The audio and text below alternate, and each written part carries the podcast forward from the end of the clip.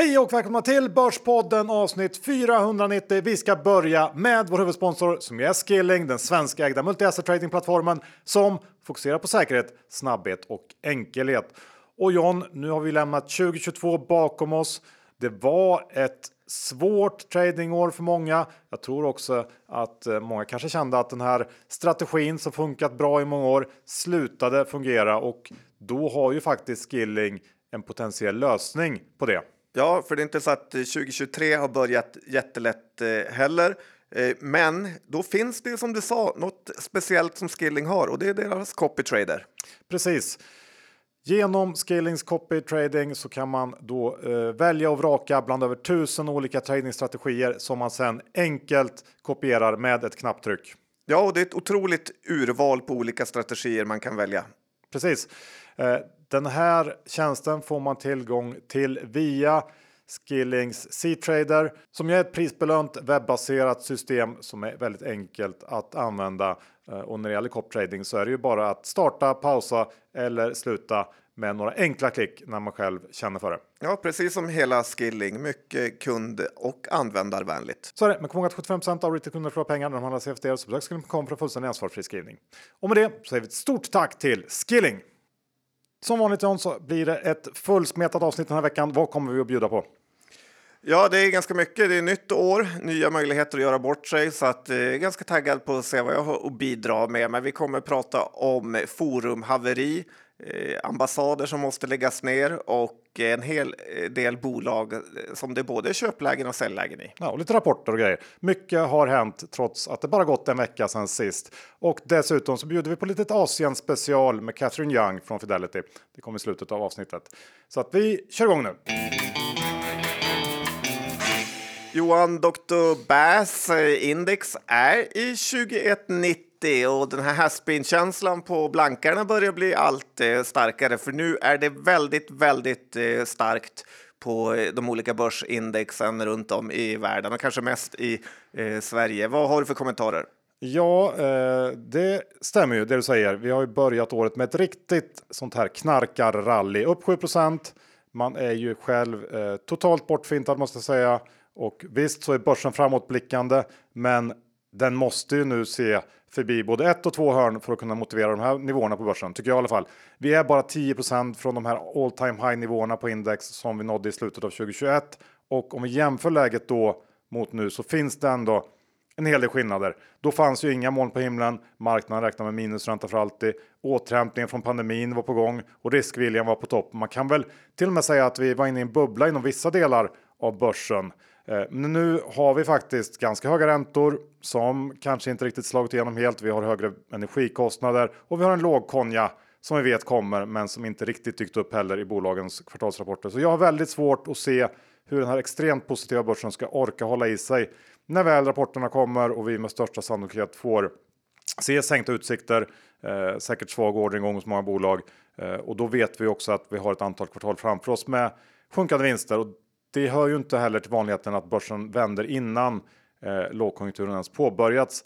Eh, men just nu så är det ju den här mjuklandningsteorin som marknaden tagit fasta på och eh, visst, det är ju klart att det finns en möjlighet att verkligen blir en mjuklandning.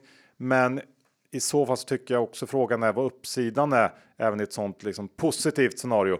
Eh, men eh, jag vet inte, börsen är ju bara bubblar upp nu. Jag vet inte riktigt. Det vill upp, upp, upp känns som. Ja, du låter nästan lite arg. Lite tycker man att det är intressant att börsen eh, spekulerar i räntesänkningar redan innan ens den här höjningen, cykeln, är klar. Ja, så det är möjligt att man helt att man ska, man ska gå på börsen. Börsen brukar ha rätt. I så fall kanske man ska titta på helt utbombade konsumtionsaktier. Eh, för där är det fortfarande ganska låga nivåer för att om det, ja, om det ska bli en mjuklandning och, och så där, då kan man väl lika gärna köpa det som har gått sämst. Ja, och det är stor skillnad på storbolag och småbolag får man det... säga, så det känns lite flödesstyrt. Verkligen, det, får man, det ska man lägga till. Eh, om man tittar på First North så är ju det indexet totalt eh, nedkört i botten fortfarande trots den här håsen. Lite synd att man har fokat på de mindre bolagen. Får jag berätta om en ekonomisk styrka som jag ändå eh, tycker jag ser Johan? Mm. i den här, eh, ja, eh, som ändå kan tyda på börsuppgången, att den kommer hålla i sig. Och det är att precis alla företag, har du säkert märkt, har ju ganska stora reor nu, för alla har för stora lager och är rädda för den kommande lågkonjunkturen. Men jag har märkt hur extremt fort mycket faktiskt har sålt eh, slut. Och jag tycker man kanske underskattar den svenska konsumentens motståndskraft. Så jag tror faktiskt inte att den här lågkonjunkturen blir så stor, utan kanske snarare att det finns ett uppdämt eh, köpsug där ute som hållits tillbaka i snart ett år av all skrämselpropaganda från Rysslandskriget eh, till eh, höga elpriser, höjda räntor och så vidare. Och jag tycker folket gör helt rätt i att utnyttja de här eh, för stora lagren eh, som företagen dragit på sig genom att köpa billigt. Har du fyndat något? Nej, jag har inte gjort det. Fortfarande livrädd för vad som ska komma. Nej, men du kan, mycket möjligt att, att du har helt rätt där. Vi, vi får se helt enkelt. Vi går över till ett annat ställe John, för du har kikat på det här med ambassader och du är inte riktigt nöjd med vad du ser. Nej, men jag fick ett litet uh, utbrott här när jag låg och funderade på min kammare. Och det är ju lite så att vart man än sig i världen vänder så finns det en svensk ambassadör som slösar bort uh, svenska skattebetalarnas uh, pengar. Och jag tycker, är det inte dags att vi bara tar och lägger ner alla våra ambassader? För om vi ska vara ärliga, vad har vi egentligen haft för nytta av Håkan Juholt, det han har presterat på Island eller nu i Sydafrika? Möjligtvis att han inte orsakar mer skada än han redan gjort, men det känns inte som ett skäl nog till att ha hundratals ambassadörer, deras personal på skattebetalarnas lönelista. Lägg då till alla familjer och barn som ska flygas kors och tvärs över världen och sen gå på svindyra privatskolor. Politikerna älskar ju såklart att få ett drömjobb i slutet av karriären som tack för att dölja alla hemligheter och felsteg som överordnade begått genom åren. Men för oss vanliga människor Eh, är de här ambassaderna helt eh, värdelösa. En gång tappade jag bort mitt pass i London och tänkte vad bra, nu kommer ambassaden hjälpa mig här. Men så lätt var det inte direkt. Det är svajiga öppettider, flera dagars väntetid för att få ett pass, så att det, det kändes lite panikartat när man bara ville hem. Eh, men som tur var hade hotellet hittat passet för att hjälpa mig ur den knipan.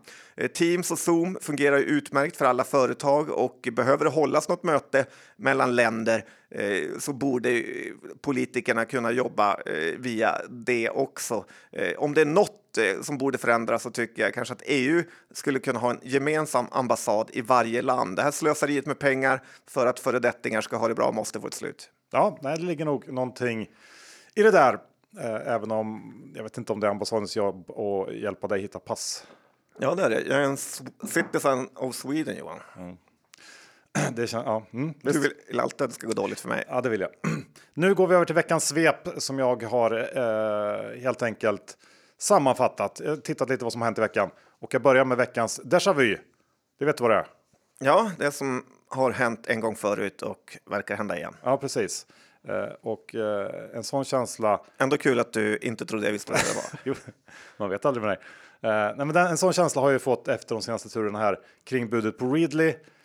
I början av december så la ju Bonnier ett eh, generöst bud, bud får man säga på Readly, det här bolaget då som aldrig borde ha startats. 60% premie fick man eh, och vi skulle slippa få se det här haveriet till bolag på börsen mer och alla borde vara glada. Men nej då. Robur och tredje AP-fonden har av någon outgrundlig anledning valt att tacka nej till budet. Och eh, det är väl här den här déjà vin kommer in, för det påminner en hel del om det här sinnesbudet på Trade Doubler 2007 som Alecta sa nej till. Budet föll, aktien har sedan dess tappat 95% av sitt värde. Eh, ja, jag vet inte riktigt. Jag tycker bara de borde släppa det här nu och få bort det från börsen. Ja, jag vet inte riktigt vad AP-fonderna tror de kan bidra till för att få fart på det här riktiga rövcaset. Bara släpp, gå vidare. Ja. Sen noterar jag och dessutom behöver de inte ens investera i sådana här bolag. Det hade varit det bästa in the first place. Ja, så, så är det ju. Eh, I övrigt noterar jag att CTEX vd Jon Lind fick lämna bolaget med omedelbar verkan häromdagen. Eh, CTEC meddelar samtidigt att den här prognosen som lämnades i samband med Q3 kvarstår, alltså usel omsättning och sjunkande marginaler. Och jag tror inte att man som aktieägare ska hoppas på någon snabb vändning i den här skandalnoteringen som CTEC faktiskt är. CTEC såldes ju in på helt felaktiga grunder. Som vi har pratat om eh, länge i podden så verkar inträdesbarriärerna i den här branschen vara obefintliga och CTEC sminkades ju upp som någon slags high tech laddarbolag. men har visat sig mer vara ett low-tech sladdbolag. Så att eh, det här är ju en trist historia. Ja, vdn fick ju gå och kursen gick ner. Kul idag med Sint. Jag vet inte om du ska ta det i ditt nyhetssvep där Nej. vdn också eh, fick gå och aktien har ju kollapsat rejält idag. Ett av TINs fonder, stora innehav, så tråkigt för dem, vet inte om de är en av de som vräker ut aktier nu för att aktien verkligen slaktas. Inget bra tecken när vdn avgår. Nej. Och sen har det också kommit lite oroväckande branschnyheter för alla Ovzon-ägare. Ovzon har gått som ett skott på börsen de sista månaderna i väntan på att bolagets egna satellit, vet du vad den heter? Faktiskt inte, jag borde med tanke på hur mycket jag hånat dem. Ja, Ovzon 3. ja. Eh, den ska ju eh, äntligen då skjutas upp i rymden. Eh, men igår så fick ju sig Bransons satellitbolag, alltså den brittiska miljardären Virgin Orbit, en rejäl smäll efter en misslyckad satellituppskjutning. Och jag bara känner att det kanske kan bli lite nervigt i Ovzon nu, vars satellit då snart ska skjutas upp. Ja, det är lite så här succession läge när satelliten bara ja, exploderar. Ja. Och eh, det brukar vara svårare än man tror för sådana här bolag att eh, lyckas. Rymden är inte att leka med Johan. Man vill ju gärna se att de, att de livesänder den här uppskjutningen. Det vill man. Eh, då kan man ha någon slags live-podd kanske. Ja, höra snacket. Ja, och avslut Three, avslutningsvis two, John. One. Får jag avsluta det här ja. segmentet? Så har jag faktiskt en veckans ros att dela ut. Oj, Lite oj, oj. old school. Old school Johan. Ja. Väldigt positiv idag. Ja, men den går ju till Avanzas vd. Eh, du skämtar med mig? Josefsson, nej. Okay. Vet du varför? Nej, det är klart jag inte vet. Nej. För att jag har han på veckans rislista. Nej, men I veckan som var han var ute i en intervju och meddelade att eh, han har svängt i frågan om krypto. Avanza ska vara med på det här racet när regleringar är på plats. Och jag tycker han hade generellt en väldigt vettig och balanserad eh, syn på krypto i den här intervjun jag läste. Och eh, jag blev glad. Eh, jag har ju inte på något sätt eh, släppt krypto. Eh, och det här är lite skillnad mot till exempel Benson. Vet du vad han gjorde på eh, Affärsvärldens julmingel? Det vet jag inte. Nej, han, Men just att han retar dig. Han göt av att håna mig mm. eh, för mitt kryptoengagemang. Och eh, det var inte särskilt kul kan jag säga. Sista gången du går dit om det ska vara så. Ja, det kan jag lova. Men kan vi ändå prata då, om vi har Avanza här, prata om Placeras återstartade forum som måste ju vara ett av de största fiaskorna i finansbranschens historia här. Från att ha haft ett forum med livliga och eh, ibland intressanta diskussioner har man nu ett forum dödare än, vad ska jag säga Johan, Östersjön kanske? Återigen en av Rickard Josefssons plumpar och eh, jag förstår inte hur han lyckas gång på gång göra fel. Det är kanske fel att svänga om krypto nu också. Eh, sen måste han, och nu är det veckans ris eh, från mig Johan, Rickard Josefsson måste sluta att hela tiden eh, skriva på Twitter om hur viktigt hans månadssparande är för honom. Att han typ började 1983 och det är fortfarande en rutin han håller fast vid och är väldigt glad över. Ingen börs som tjänar närmare 10 miljoner per år behöver månadsspara. Eh, det kan väl alla vara överens om och jag skulle hemskt gärna vilja se hans autogirodragning, eh, hur mycket den är på. Och jag tycker det är bara pinsamt att skriva folk på näsan så här. Att eh, det är så uppenbart att det gynnar honom själv i längden att folk månadssparar på Avanza. Det är lite som att vi skulle twittra ut varje vecka hur viktigt eh, det är för oss och hur viktig rutin det är för oss att lyssna på Börspodden eh, hela tiden. Ja, jag vet inte, det, det håller jag inte riktigt med. Jag tycker det finns en poäng i att han gör det. Eh, men, men ehm, ja, bra, ris och ros till eh, Rickard. Han har varit aktiv i veckan. Ja, ge och ta. Ja. Piska morot. Piska morot. Och eh, vi har ju varit aktiva under julen. Vi har inte suttit still direkt. Det har vi inte gjort Johan. Vad har vi gjort? Ja, vi har härjat runt eh, Sverige och du som vanligt hållit dig i Marbella. Nordafrika.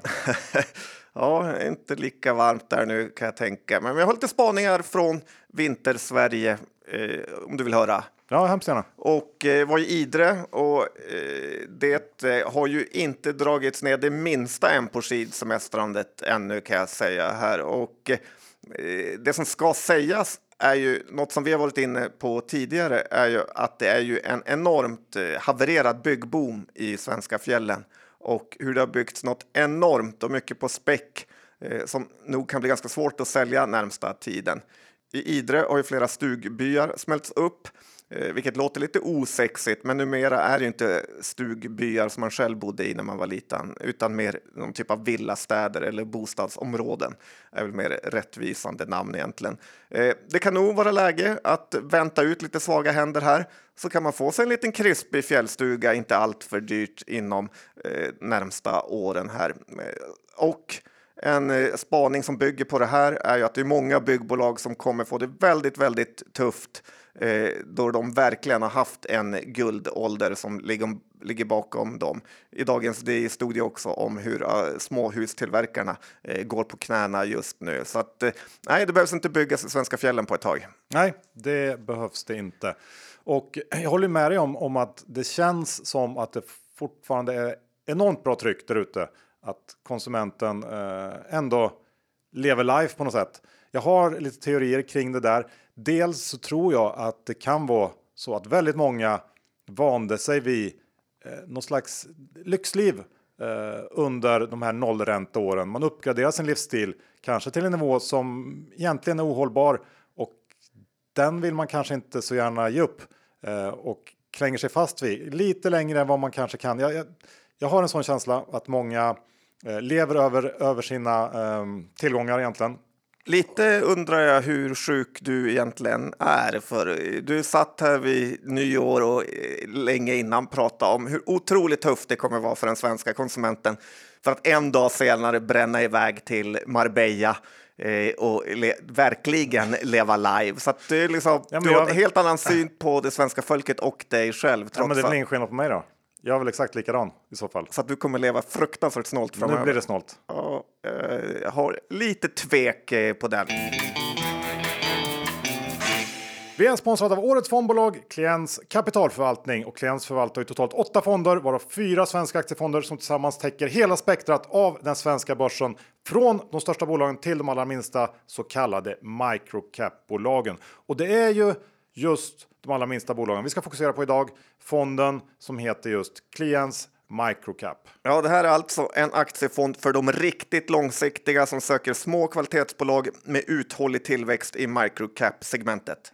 Ja, och vad är då ett microcap? Jo, i fondtermer så är det ett bolag som är mindre än 0,1% av börsens totala värde, vilket i praktiken innebär att fonden huvudsakligen investerar i bolag som har ett marknadsvärde mindre än 7-8 miljarder kronor. Och Kliens microcap förvaltas ju av den otroligt krispige och duktige Carl Sundblad som även förvaltar Klients småbolag, en fond som kanske är mest känd för att den överträffat index sex år i rad och utsågs till årets småbolagsfond av både privata affärer och Morningstar.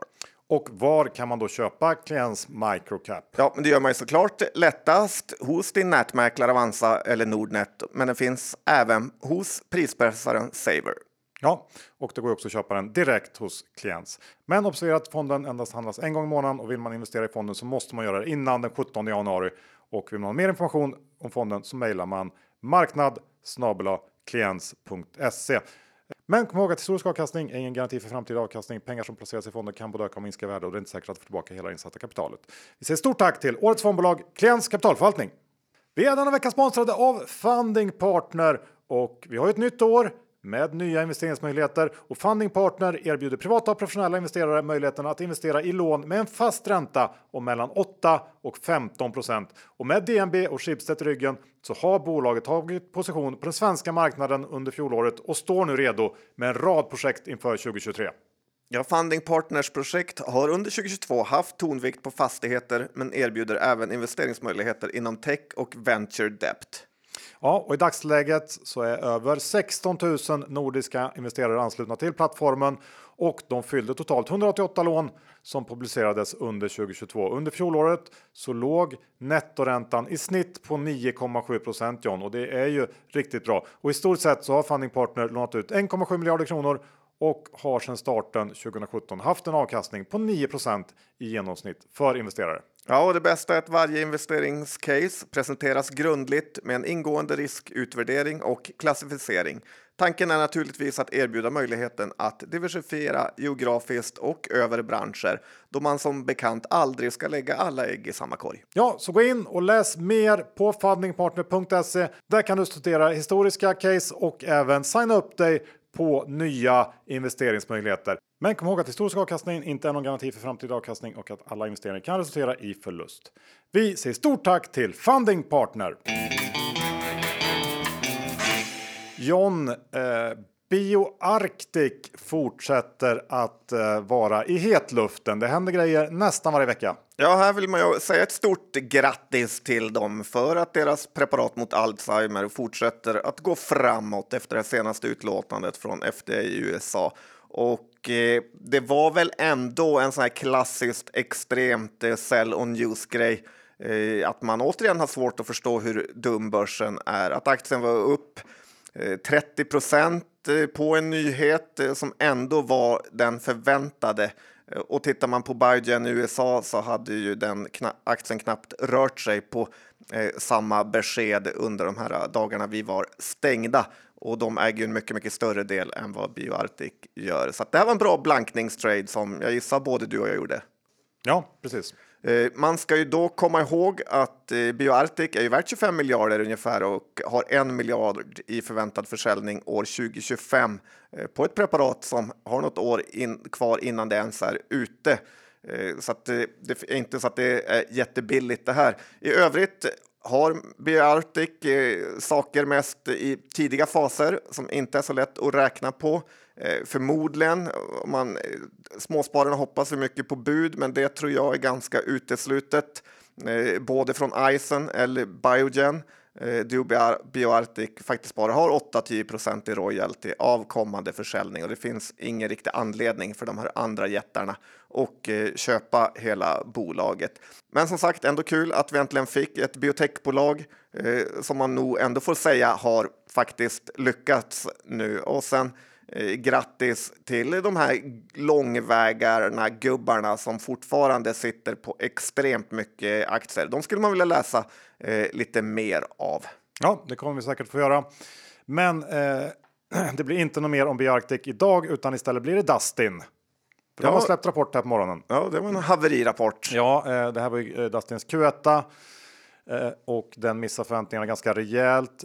och om vi går tillbaka till förra året och den situation vi hade då när det var brist på en hel del produkter. Det har nu svängt till det motsatta, eh, vilket har lett till eh, som Dustin beskriver det, en utbudsdriven prispress. Eh, det pressar ner bruttomarginalen under kvartalet. Eh, 13,5 procent. är är inte särskilt bra bruttomarginal ner från 15,4 förra året och den här lägre bruttomarginalen kombinerat med högre kostnader generellt bidrog till att ebita-resultatet kom in faktiskt 100 miljoner under förra årets nivå på 300 miljoner. Eh, dessutom så var kassaflödet negativt. Dustin skyller det på lageruppbyggnad som eh, de beskriver som av temporär karaktär.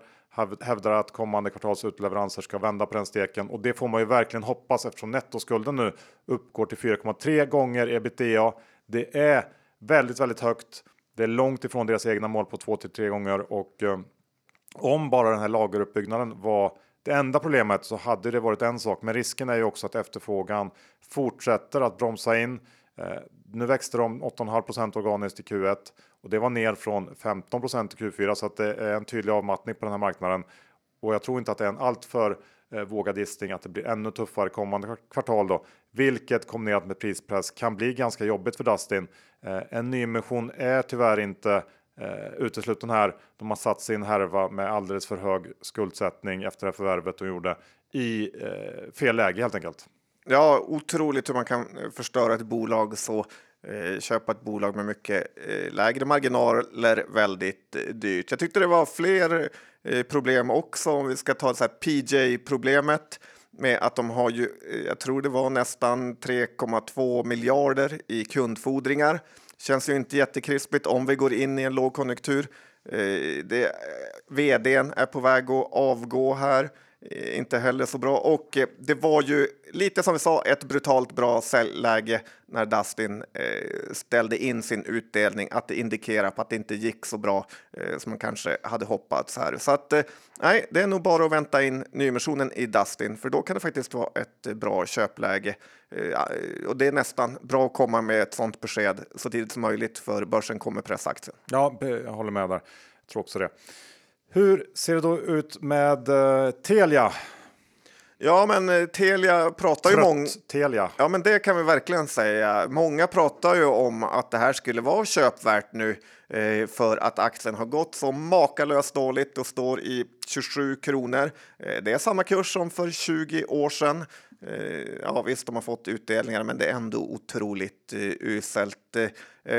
Här säger jag lite grann när jag hör den frågan om vi ska snacka Telia. Kommer du ihåg det gamla MTV-programmet Next? Ja. Det datingprogrammet Ja. när någon skulle träffa fyra personer men kunde när som helst säga next för att avbryta allt och skicka iväg eh, den personen. Eh, Lite så gör jag direkt när jag hör ordet Telia. Eh, jag orkar inte ens eh, höra om det här bolaget och anledningen till det är deras abnormt usla företagskultur. Eh, ganska likt den som Ericsson verkar ha. Där personalen tror att företaget är till för dem. Det sjuka är ju att den här låt gå och sloppy-kulturen har ju spridit sig till Seymour. För fram till i söndags så har en stor del av deras mellanreklam handlat om att man ska följa mellandagshockeyn Eh, på eh, Seymour.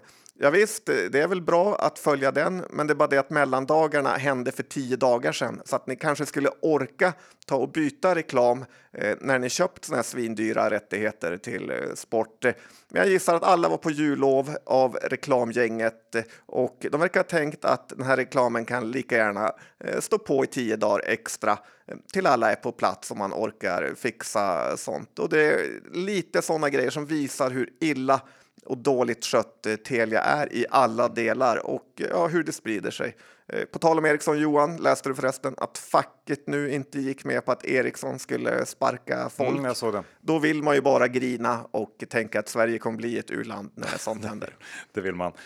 Eh, vad vill man då göra när man tänker på ITAB? Ja, men det här, Skratta eller gråta? Ja, vi har väl skrattat väldigt mycket åt ITAB genom åren. Och, Eh, men det jag tänkte på att handeln säger just nu att det är rekord i stölder via såna här självutcheckningsdiskar och även via självskanning och att det kanske skulle vara en eh, möjlighet för eh, det lite bortglömda ITAB att som har någon produkt för det här som kan hjälpa till mot alla stölder. ITAB är väl annars kanske mest kända för bolaget som hade den här, i alla fall via Börspodden, som hade som, den här otroligt eh, kassa, butikskassabandet eh, där varorna skulle skanna sig själva, men det aldrig riktigt fungerade. Just det, vad heter det? Flow någonting? Ja. Ja, någonting sånt. Och eh, det är väl lite som när självkörande bilar, att det fungerar nästan, men det räcker inte. Men just nu har ju livsmedelskedjorna, eh, de går ju riktigt bra och eh, de har säkert pengar att investera i såna här effektiviseringsprodukter. Och eh, man får ju komma ihåg att ITAB har ganska många enklare produkter också som inredning till butiker. Men då tycker jag inte man får glömma bort att Ratos köpte ju HL Display för ett gäng år sedan, ganska länge sedan nu, och att ITAB skulle kunna passa in bra i Ratos som verkar ganska i köpartagen just nu. Eh, Andra positiva grejer är ju att den största ägaren i ITAB köpte mer aktier nu Eh, under det här nya året och det är efter kvartalsperioden är över, eh, om än dock bara för en halv miljon kronor. Så här.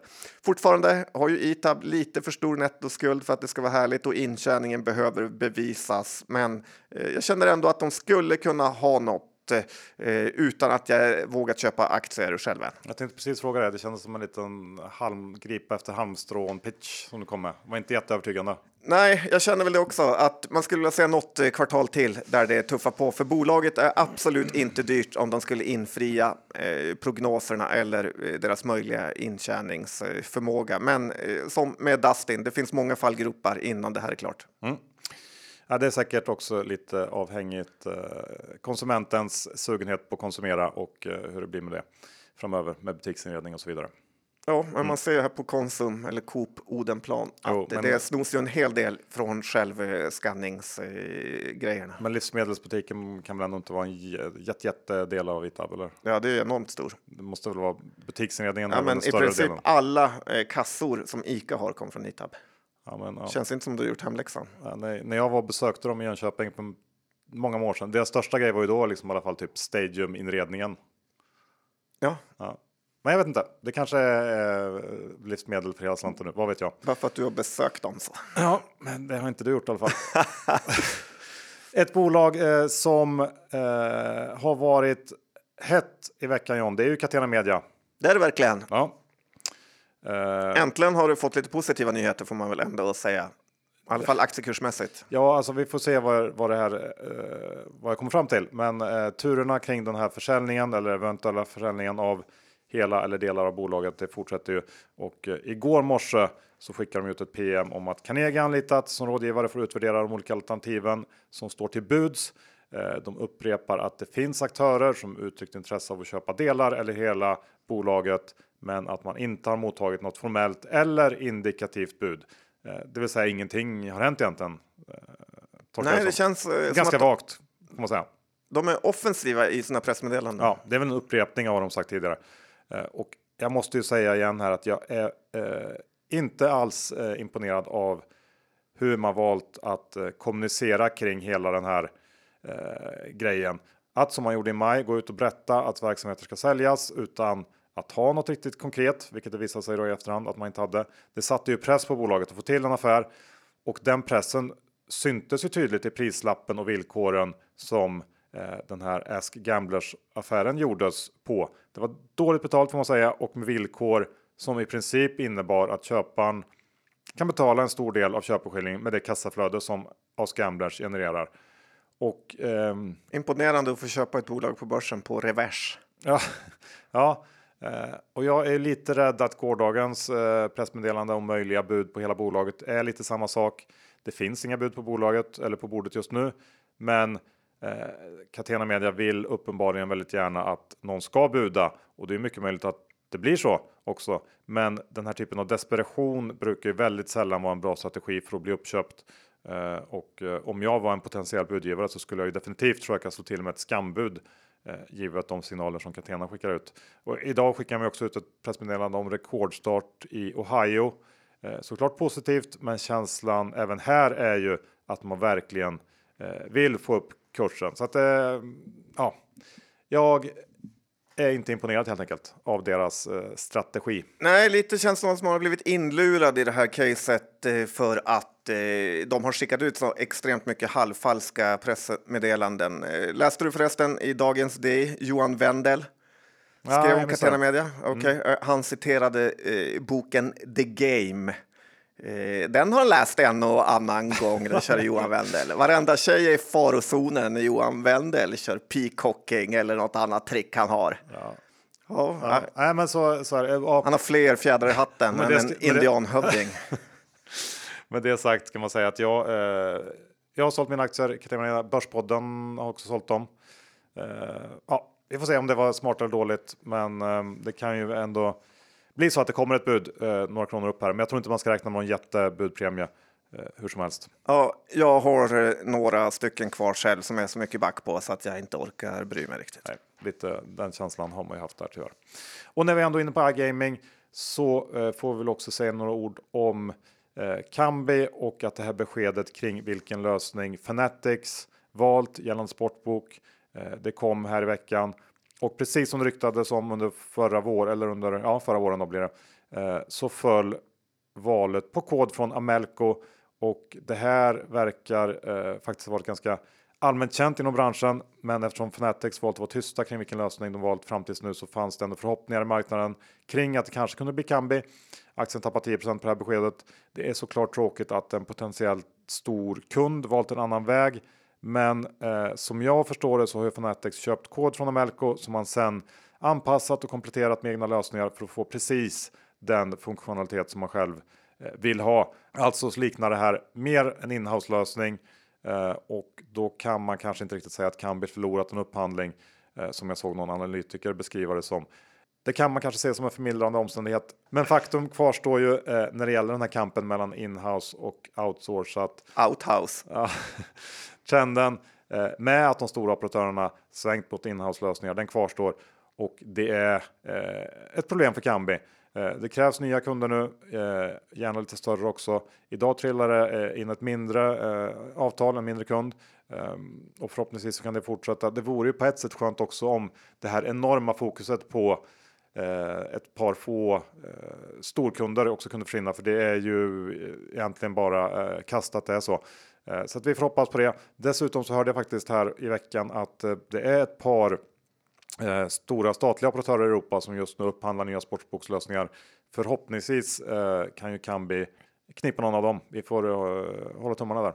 Ja, för man vet ju hur det blir om staten sköter det inhouse inte så bra, så lika bra att låta Kambi sköta det. Jag läste också, eller hörde, att en del av börsens kraftiga reaktion mot Kambi var att eh, Fanatics var en av eh, de möjliga budgivarna för att köpa hela Kambi och att nu har eh, de fallit bort så att säga, så att därför blev börsen lite besviken med. Ja, det är mycket möjligt.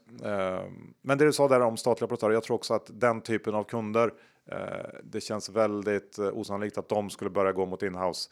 Eh, Den, jag tror den viljan finns inte hos de statliga operatörerna, så där eh, har man ju fortfarande en ganska stor kundgrupp som eh, man borde bearbeta lite mer kanske. Gänget bakom skolplattformen eh, Exakt så. startar en bettingbok. Yes. Tre odds på ett kryss två, så vet han.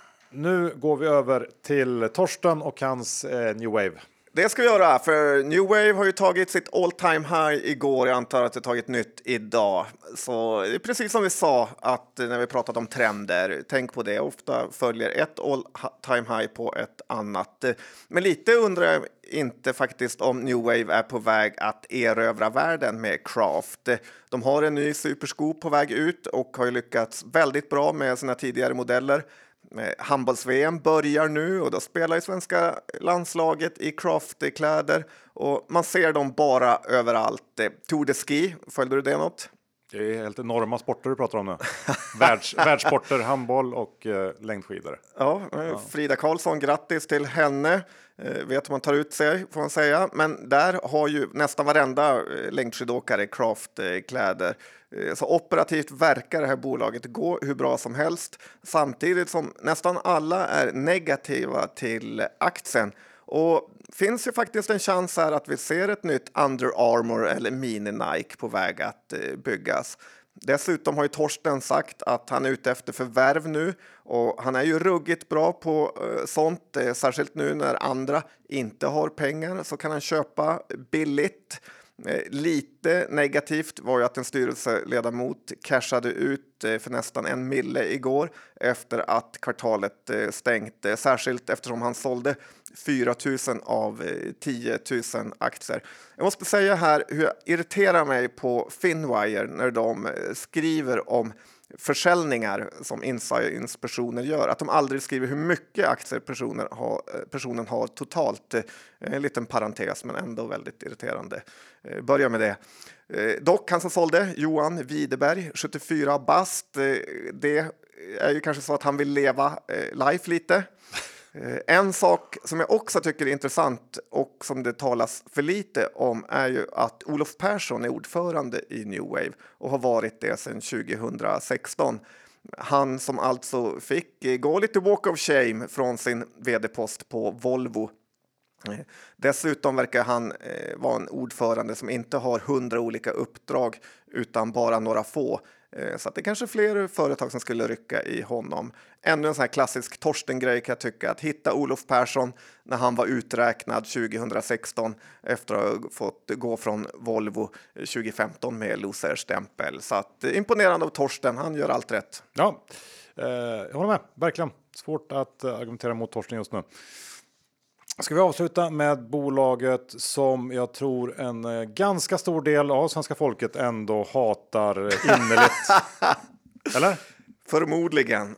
Och de borde hata det ännu mer. Ja, Tänker du på Gotlandsbolaget? det gör jag. Mm, Båtarna. Man har förbannat deras liksom, monopolsituation där många gånger. Ja, Överprissatta kassa båtbiljetter. ja verkligen så är det. Så att, eh, sa du något. Men det skrev ju här en analys om Gotlandsbolaget i dagarna som eh, nyligen gjorde entré på börsen och påpekade som många i och för sig sagt förut, men hur de döljer vinster genom extrema eh, överavskrivningar på sina fartyg. I mina ögon är inte det här något eh, smart, eh, något man ska vara imponerad över, utan snarare någon form av ekonomisk brottslighet. Att man slipper skatta eh, när man gör så här. Obegripligt att eh, Skatteverket inte tittar på det. Kortfattat så gör ju Gotlandsbolaget så att man skriver av sina färger på tio år trots att de håller i 40 år och att andra rederier skriver av sina färger på 30-40 år. Och då med sina obeskattade vinster eller kassaflöde då som de får av att inte behöva skatta så kan de fortsätta investera och tjäna ännu mer pengar. Dessutom är ju hela Gotlandsbolaget i princip skattefinansierat från början Eh, via de här pengarna de får från Trafikverket för att eh, köra mellan fastlandet och ön. Så att, eh, det finns en anledning till att hata dem ännu mer. Ja, det gör det. Bra, och med det sagt John så är det dags för lite Asiensnack med Catherine Young från Fidelity International. Det kommer här. Catherine Young, Investment Director at Fidelity International. Welcome to Börspodden. Thank you for having me. Yes, nice to have you here. And uh, today we are going to talk about the Asian markets. Uh, you are based in Hong Kong. Um, maybe we can start with the recap of last year. Maybe we can start with uh, what do you think about Stockholm? I love Stockholm. And so I, I've very much missed not coming to Stockholm over the past few years because in Hong Kong it's been so challenging in terms of the border restrictions and quarantining. So good to get back out and see people and, and you know talk about potential opportunities and obviously the risks as well. Yeah. Pretty grey and cold, you have to admit. Here in Stockholm, or are you yeah. talking about the markets? yeah, well, the know, market is pretty good now. the market did stage a rebound. So, what we did see last year was the North Asian market, so Chinese equities, as well as Korea and Taiwan they were really lagging for the majority of the year. And then markets like India, Indonesia were outperforming. And then at the end of the year, with indications of a potential reopening in China, and then following that very sell or you know the very um, big sell down day post the Congress, so the 20th People's Congress in China, we did see this bull market recovery. So I guess the question now is about whether this recovery is sustainable and whether it's very much going to be underpinned by China. What about the latest news about the Kraken uh, virus? Uh, is that a big problem for China now? So, in terms of the zero COVID policy in China, that was one of the key issues that investors had. So, the associated risks in terms of when you saw basically communities being locked down and the impact both on manufacturing as well as sentiment, very importantly, the impact on consumer sentiment. And so, what we did see post the Congress again is this very shift and sudden pivot away from zero COVID. And that really did take the market by surprise. So, this Sunday, before I, well, the day I flew out of Hong Kong over to Europe, you did see all border restrictions being basically erased for mainland China. Interestingly, though, when you looked at that Sunday in terms of outbound and inbound international flights, there were about 250 or 250 flights that day. If you compare that to 2019, so before COVID, there were 2,500 flights. So that's a drop of 90%. So the reopening has happened in terms of the announcement, and now we're seeing how that reopening plays out. But now it's a little bit uh, another way around uh, that uh, Europe and US are a bit scared of uh, China people and have uh, stricter policies. Yeah, so the concerns really is because you've seen this big lockdown for several years that a new variant has emerged. And then the other criticism has been that the government hasn't been transparent when you look at the data. So, if, for example, we look at hospitalization rates and case numbers, um, they're very complicated to, to decipher. So, in terms of trying to establish when cities have peaked or are reopening, we look at, for example, our analysts will look at traffic data, whether it's car traffic or indeed subway traffic. And so, what's proving to, or what's indicating to be the situation is that the peak might have passed now in the big cities like Shanghai and Beijing, but we're now seeing what happens when the virus spreads to the rural parts of China. And very importantly, we're coming up to Chinese New Year or the Lunar New Year starting on the 21st of January. And this is the world's biggest migration of people. So concerns there. So a lot of the local government officials are just saying be cautious and be cognizant of how you travel. But, uh, okay, but but this reopening uh, in terms of uh, the market and how it will affect the market is this a big thing or how do you see see that? So just like other economies, when we did see markets open up, you saw this pent up demand play through, and this is exactly what's happening to China. So if we look at those typical reopening names, whether they are the casino operators in Macau, or there's a company called Trip.com, which is an online travel agent company, uh, you're seeing the same trend emerge. So that demand, prices have gone up. You know, you're seeing some prices going up travel related by 50 to 70%, both domestic as well as international prices.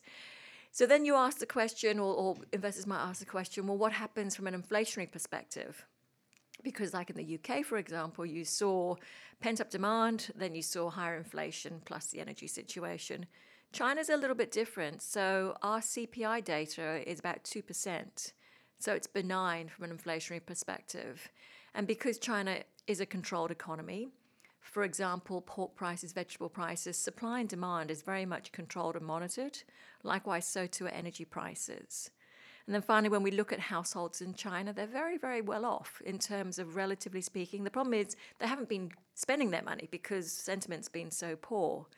And even, for example, our team in Shanghai was sending pictures over the weekend of people going out and, and spending again. So that revival of consumption is critical for growth for China because they can't solely be dependent on exports or, for example, even infrastructure like we saw post um, the 2008 crisis.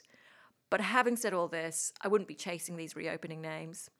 They've already done very, very well. So, if anything, we have been taking profit and rotating into areas such as more macro sensitive names, or even, for example, and this is quite a contrarian viewpoint, identifying names that have got a very high dividend yield or a very strong dividend policy, for reasons being that it's supporting not just the rise of um, the domestic consumer, which is a, a key theme for China, but the rise of the domestic investor. But overall, it seems like you're uh, pretty positive to uh, the Chinese uh, stock market. Is that right? Yes. So reasons again being this growth being underpinned by reopening, but you know again if we just look at the reopening theme, it's it's not going to be one way. It's not going to be linear because several companies I mentioned Trip.com. You know they've been working off a very tight budget, and as things normalize, they'll have to spend because they're normalizing again. So profitability expectations might come in lower than what we're currently gauging at the moment. But across most sectors, you've probably seen earnings bottom. But this quarter, again, because of case numbers, some uncertainty, you could, you could see some volatility. But longer term, if you look at where China is relatively versus the rest of the world, the policy cycle is very different in China. So we're not in a position where we have to tighten. We're actually seeing the PBOC or the People's Bank of China being more on the easing front, uh, whether it's monetary or fiscally speaking. And I mentioned the domestic investor base. When we look at Chinese households, because you've seen higher incomes, when you look at the total assets, it's 104 trillion US dollars, which is over 600% of GDP. Meanwhile, debt levels have come down. And so you're seeing these households now invest in lower risk assets, so financial services, insurance products. And this seems really important because you're going to see a home bias emerge. And this is why my point about dividend policies and dividend yield is going to be very important going forward because it will be almost like a Swedish household and what Swedish families look for from a long term equities investment, not just going in and out quickly. The media reporting in Sweden is mostly negative about uh, China. Uh, lately, it's been talked a lot about Evergrande, uh, the housing bubble in China. Uh, what's the view on the housing bubble? Or is there even a housing bubble? Oh, definitely. I mean, the housing bubble far exceeds the, the peak of the housing bubble we saw in the US. And historically, housing or property has been the backbone for China. But we are seeing that change. So, more recently, so for example, just in January, like just recently, like 2023, you saw a change in what we call the three lines policy. And essentially, the three line policy looks at debt levels of, of property developers. So, what's happened over the years is because you've seen this massive urbanization shift, higher incomes, higher discretionary spending, you've seen many property developers really not be so great in terms of how they manage their balance sheet. So, we have this outstanding debt. So last summer, Northern Hemisphere wise, you saw people refusing to pay their mortgages. And it wasn't because they didn't have the money, they just didn't know whether they would receive the property that they bought off the plan from some of these private uh, property developers. So it's likely that we'll see consolidation within property. And the state owned enterprises, what we call SOEs, who are better managed, will actually buy more of the land, complete the projects, and the POEs or the private developers, some will default and they will be a smaller part of the pie. But we're definitely seeing policy easing relating to property. So, again, both property and COVID were the big risks everyone was focusing on over the past couple of years, and we're seeing changes from a government perspective regarding this. Okay, but you think that the Chinese state will be able to to contain um, the damage from from uh, the property sector? Yeah, and this is why also the rise of the domestic investor base and the opening up of capital markets is really, really critical. Because if you, you if you lose that driver coming from property, something needs to substitute it. And again, this is the capital market. So the whole notion of China's going to close up, China doesn't want foreign investors, China doesn't want investors, both businesses as well as foreign money, we really don't subscribe to that because, if anything, the capital markets need to grow. And we do need to see a very healthy, both you know, private sector as well as state-owned sector. Another talking point uh, that's uh, talked a lot about in Sweden is the Taiwan uh, problem. Uh, that if China attacks Taiwan, it will be the new Russia or something like that. Uh, uh, are you scared of that happening? It is a risk, but it's it's not quite like Russia and Ukraine. In fact, it's nothing like Russia and Ukraine. So even when you speak to Chinese nationals, they're, they're very sensitive. You criticize the sovereign state. And I, I think that's important to recognize in terms of how Taiwan is relying on potential other countries should there be some kind of military invasion when it's not as easy or clear cut in terms of what can be done from an allied perspective. So I, I think it's something that needs to be closely monitored. However, the risk isn't as emphasized or amplified, we believe, versus what the press is making out to be, or the general press. Okay.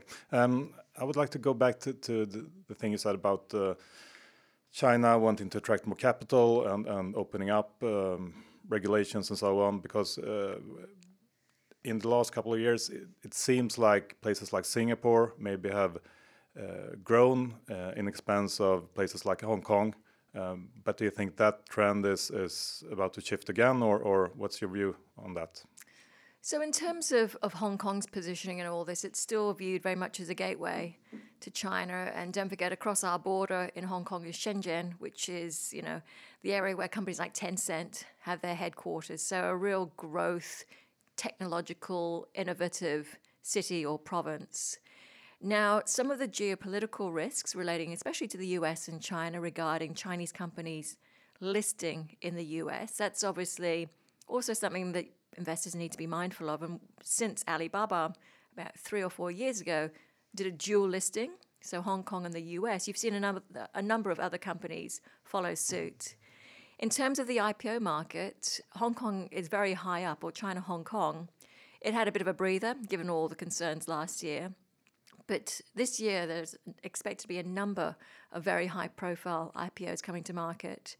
And Hong Kong tends to benefit as you see some of these Chinese listed, especially technology companies or biotech companies in the US, come back to Asia to do their listings and predominantly in Hong Kong. And again, historically, from a demand or liquidity perspective, if you were Ali, you needed to go to the US. But because of this rise of the domestic investor base I mentioned, not just in China, but across India, across ASEAN, you're seeing that liquidity demand actually be within the region. So it's not just about the rise of the domestic consumer in Asia, which is the driving force. I really do think this rise of the domestic investor, and as the investor becomes more sophisticated, behaves more like, let's say, a developed market investor, like here in Sweden, you're going to see a dramatic change, not just in the makeup of the market, but also opportunities from an investment perspective. You talk a lot about ASEAN. Can you clarify what that is? So ASEAN is the, basically the Southeast Asian uh, countries or nations. It is an association, so its its member states are, for example, the Philippines, Malaysia, um, Indonesia, Thailand. Indonesia has been one of the best performing markets, or in 2022, alongside India. And when we look at Indonesia, uh, you know, a few key drivers of the market and why people like Indonesia so much.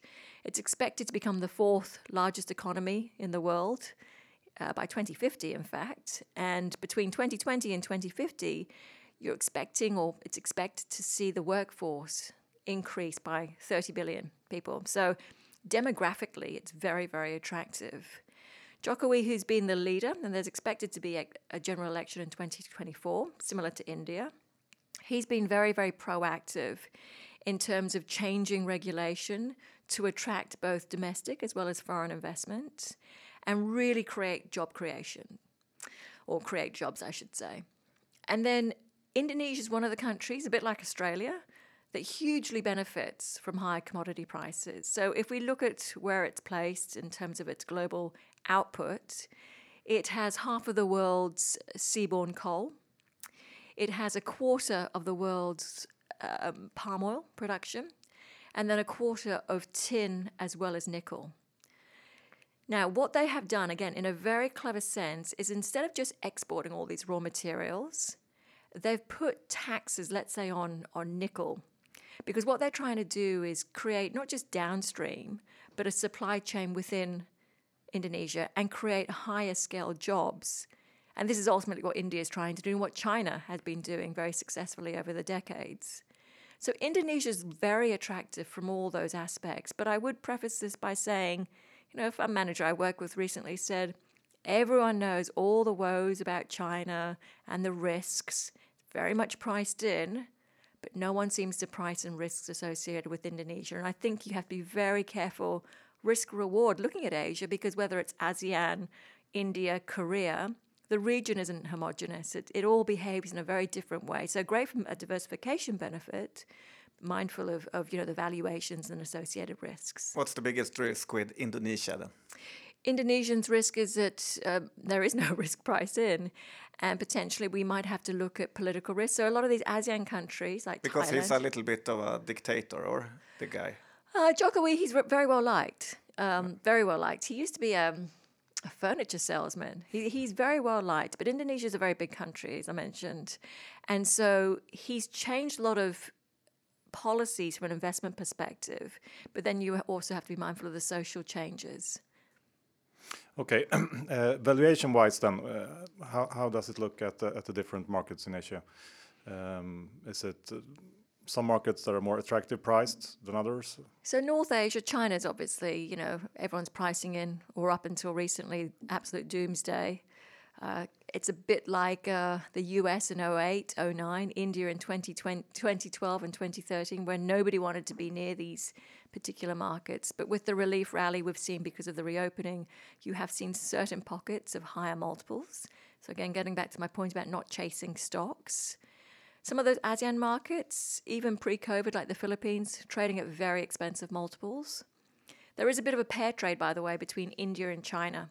So when everyone dislikes China, you tend to see the flows go to India because India is such a big economy and you know the growth profile for India. A lot of people compare it to China and where China was 20 years ago. You've probably seen two months of that rotation, India out to China. Probably going to see another two months for this rotation to continue. So let's say it's about 30 to 40% played out. Now, in India, you have some very expensive stocks still, the well known names. Some of the small cap, more unrelated, like, let's say, consumer names are trading at very attractive valuations. And then the cheapest market at the moment um, really has been Korea alongside China, Korea and Taiwan, because of the change in technology, for example, semiconductors, uh, demand supply. So if we look at Taiwan last year, you saw after a decade of no growth, earnings basically double because of the demand supply for technology.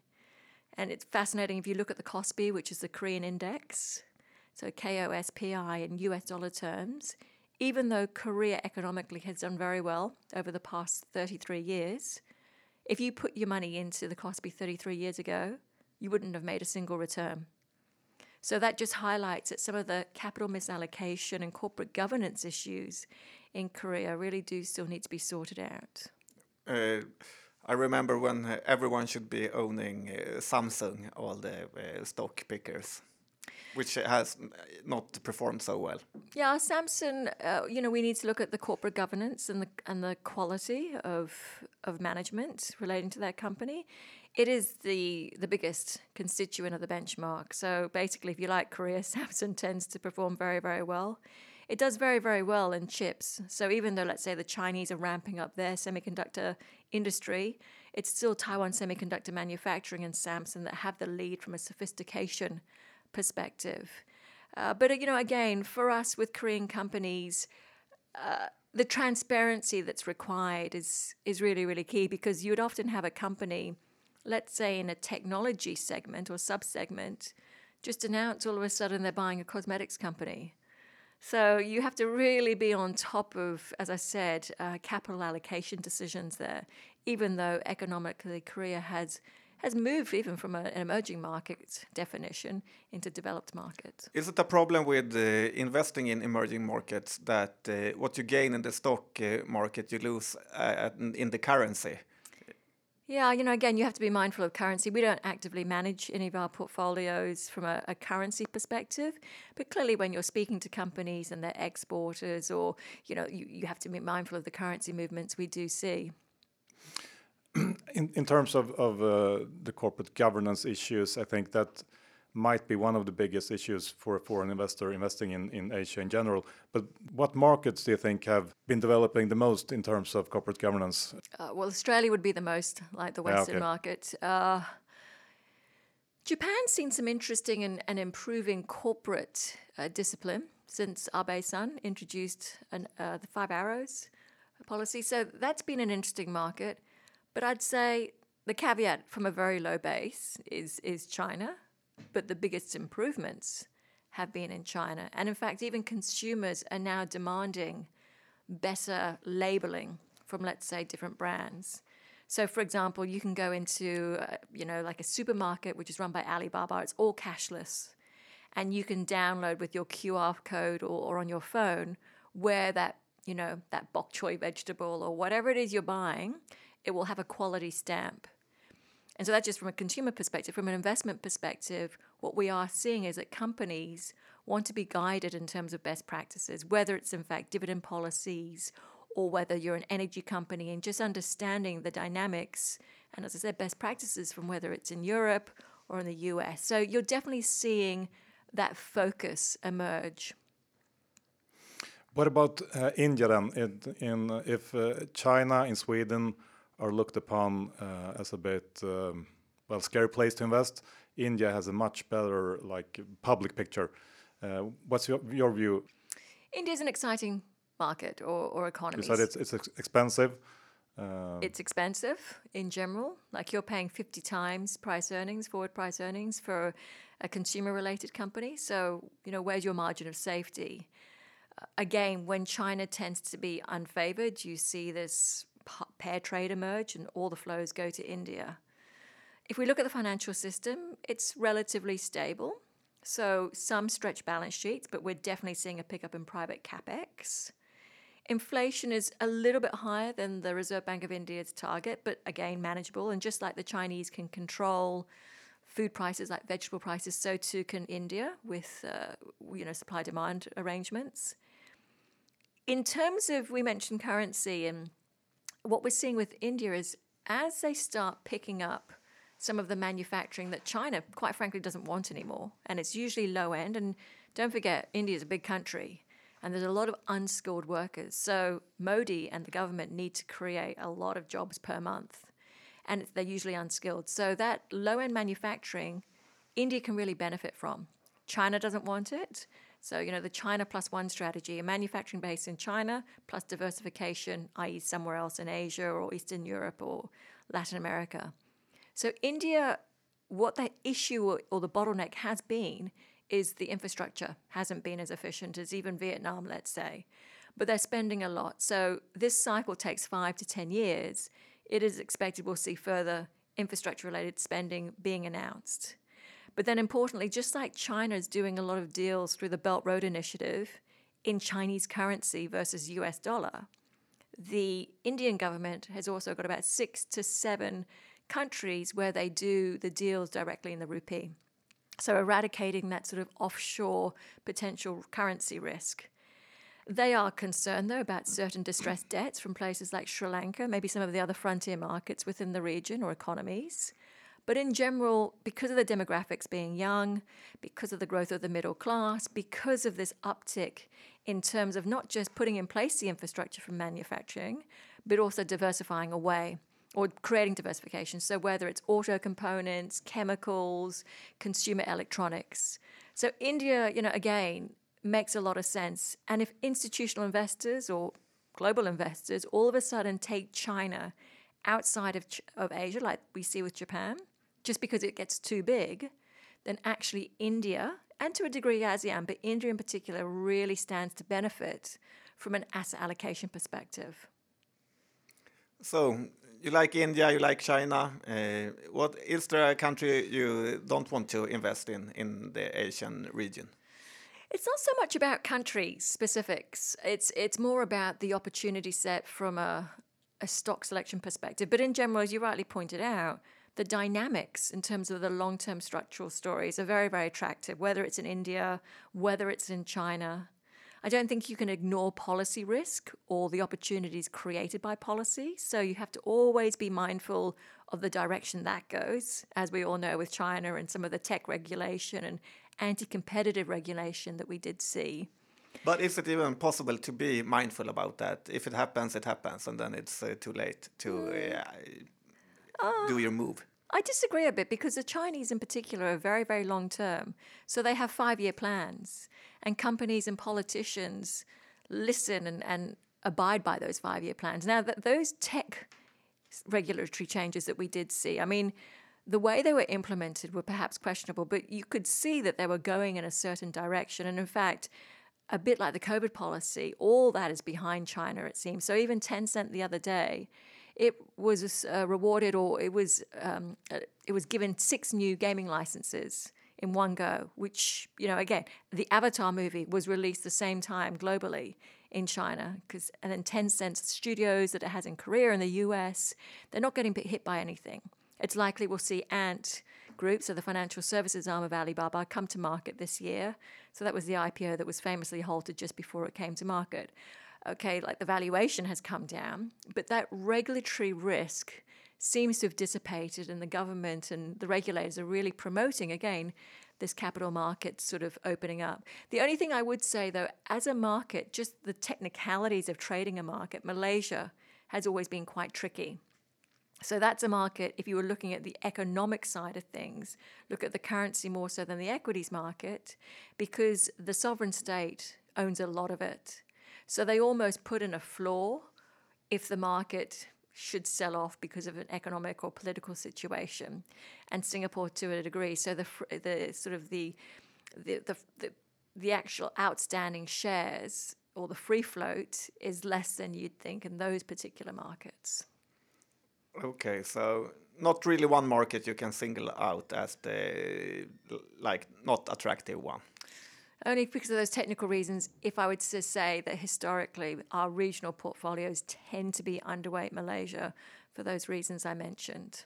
I think one big problem if you invest in uh, Swedish uh, funds that invest in China, uh, that uh, they all have the same companies. They have Alibaba, Tencent, uh, JD.com uh, and stocks like that. Sometimes you want the, the portfolio managers to dig deeper than to just buy the big names. Totally agree with you. And I think coming out of this downturn and high risk associated or negative sentiment when it comes to China, because I've never seen people be so bearish about China than I have over the last couple of years. What's likely to happen is you can't just make the easy money that you used to. You know, buy the consumer related names, you're up X amount per year, buy the index. I totally agree. You're going to have to be more savvy and you have to look at either whether it's smaller companies, have a different style bias, so value contrarian versus just always being garpy and playing the consumer. That dividend yield story, I think, can act as a cushion for market volatility and even be able to use additional tools like whether it's being able to short or to gear so I think the way you invest in China is also changing as it becomes more of a developed market or it becomes more sophisticated. And I think that's the opportunity set. Great. I think it was a really interesting contrarian view on, on China. Um, thank you, Catherine, for, for joining us here in, on Börspodden. Thanks very much for having me. Slut på avsnitt 490. Vi säger stort tack till vår huvudsponsor Skilling. Kom ihåg att öppna konto där. Nu har vi ett nytt år, nya möjligheter. Vi pratade om copy trading i inledningen. Eh, kan vara någonting att testa om man har slut på idéer. Eh, så att eh, ja, och hur enkelt är det att starta konto? Ja, det är så enkelt att det är löjligt. Allt som krävs är ett bank-id. Så är det. Men kom ihåg att 75 av retailkunder förlorar pengar när han har CFD. Så Blackskin.com för fullständig ansvarsfriskrivning. Och John, hur är det med våra egna innehav den här veckan? Eh, Kambi har man ju. Ja, det har man. Skräpar i portföljen. Ja, Eh, något man aldrig kan I sälja. övrigt, Catena Media eh, har jag sålt, Börspodden sålt, du har kvar. Hur var det i övrigt då? New Ja, Wave? jätteliten skvätt. Eh, Nej, sen har jag inget mer faktiskt den här veckan. Inte vågat köpa något av eh, mina bolag och inte köper dem jag hatar heller. Nej. Så ska det vara och med de orden så lämnar vi eh, lyssnarna så får de klara sig en vecka nu. Vi hörs eh, nästa onsdag igen. Hej då! Ja, det får ni göra. Hello!